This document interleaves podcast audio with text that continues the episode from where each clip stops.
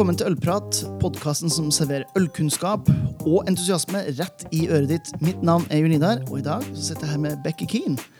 Thank you for taking the time to talk with us today. Yeah, thank you. You're welcome. Thanks for having me. Yeah. Um, can you give us a little bit of context of uh, who you are and, and where you're coming from? Sure. So I'm Becky. Um, I'm from Nirvana Brewery.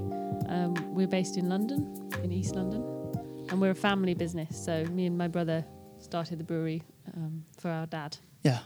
And what makes you special is that you only do alcohol free beer. That's right. Yeah. How on earth does someone start an idea like that? Yeah. Well, as I said, it was uh, me and my brother started it for our dad. So he was the main uh, motivation behind the business. Um, he can't drink anymore, so he used to he used to drink a lot and used to be an alcoholic, and uh, he decided to turn his life around. Mm. And um, we were so proud of him, and it was great. But as a beer lover and beer loving family, it was really sad to see him drinking these alcohol free beers that he just didn't like.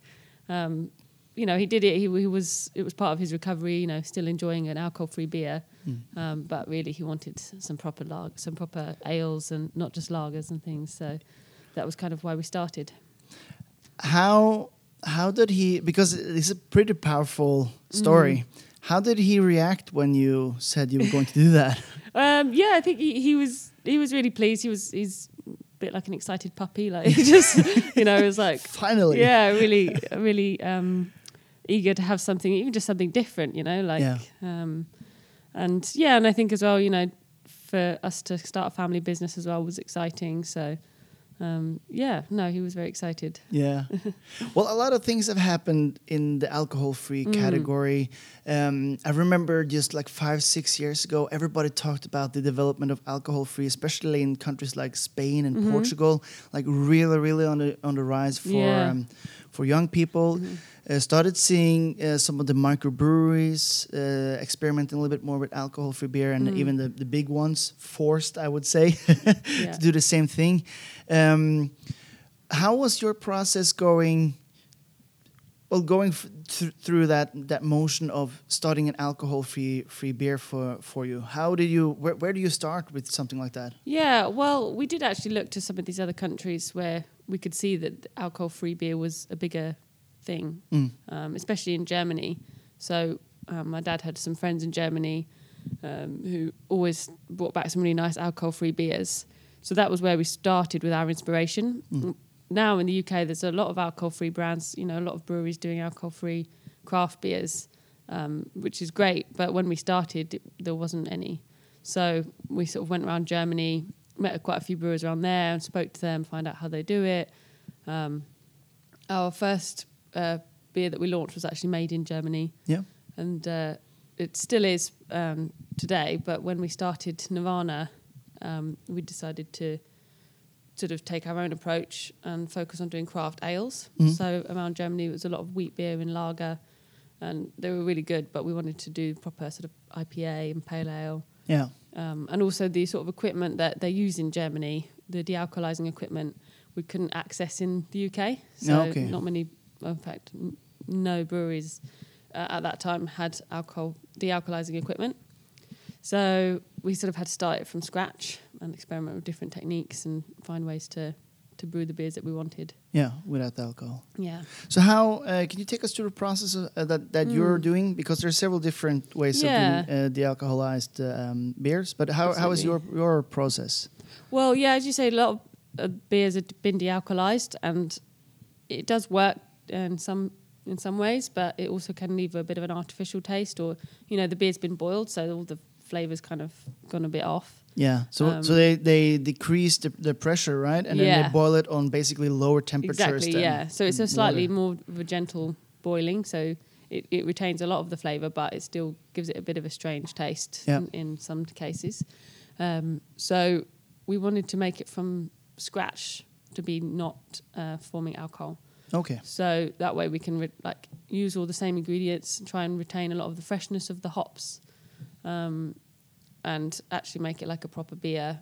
Um, so what we do is, um, as I say, we brew the beer just like you would any other craft beer. Yep. Um, still mash mash in and boil and uh, leave it to ferment. Um, but we just have to make quite a few tweaks along the way. So with the malt we use, we you know we're careful about the amount of malt we use and the amount of sugar that we extract extract from the malt, um, so that the less sugar there is, the less there is to ferment. Yep.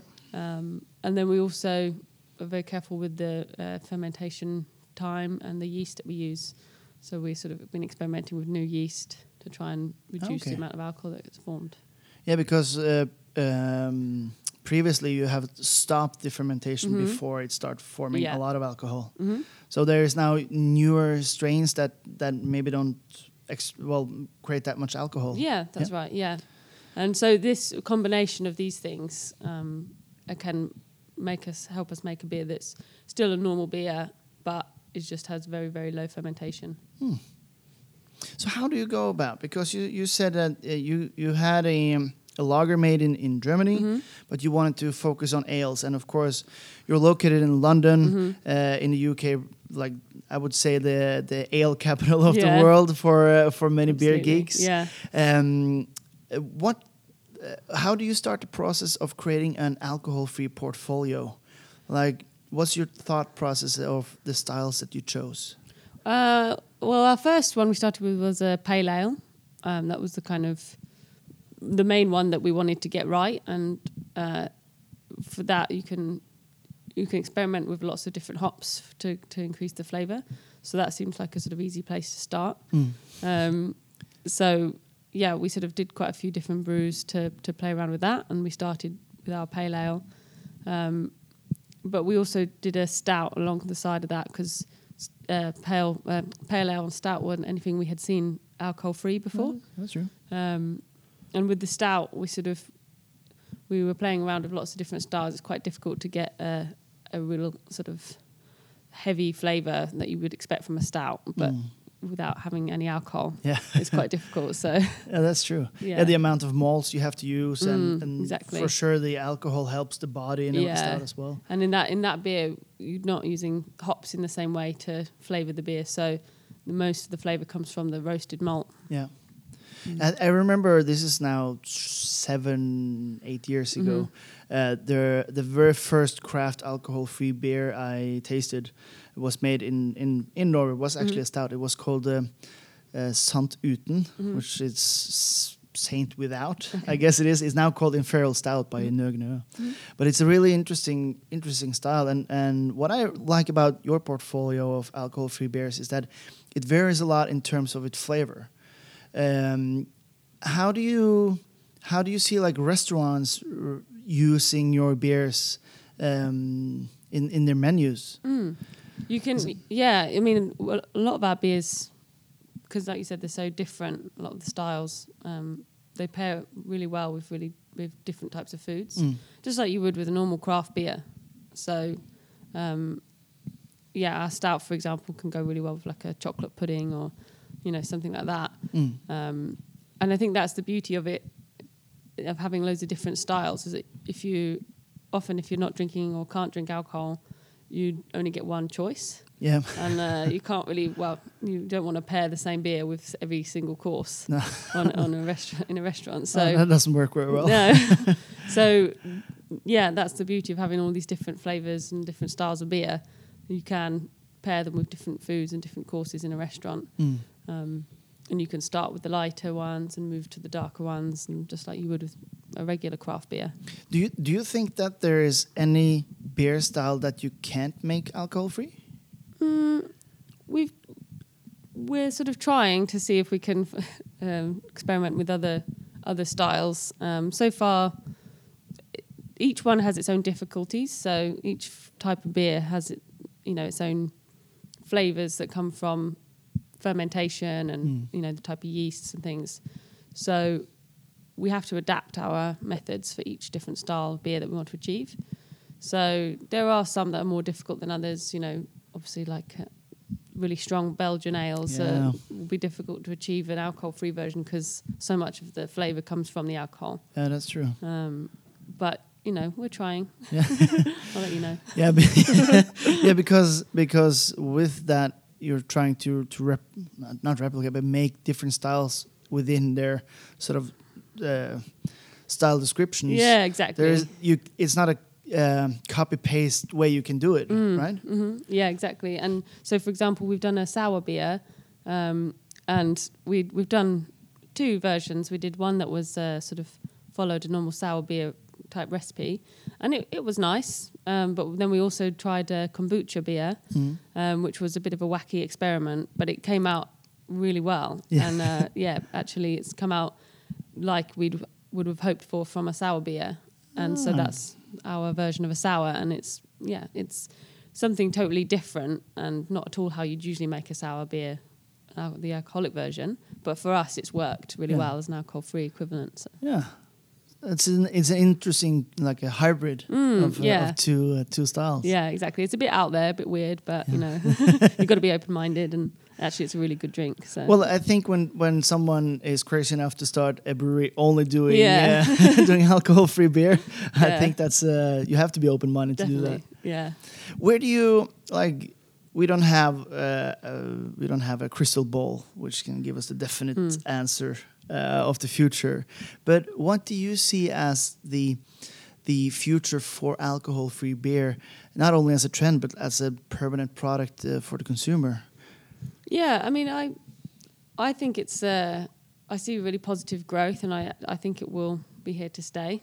Um, the difference between you know alcohol-free beer now versus alcohol-free beer sort of 20, 30 years ago Mm. is that actually it, it tastes much better now than it used to. So people actually want to drink it, um, but also people's lifestyles are changing, and the reasons for people choosing alcohol-free beer are changing. So before, people might choose alcohol-free beer because they had to; they couldn't drink alcohol for health reasons or for you know because they were driving or pregnant, and those reasons still exist. But these days, people are choosing it just because they don't want to drink Yeah, and sometimes people are choosing it because they have been drinking and they just want to slow down a bit you Yeah. know? So it's not even like it's all or nothing. A lot of people will have it alongside their regular beer. Yeah, um, yeah same i do the same thing.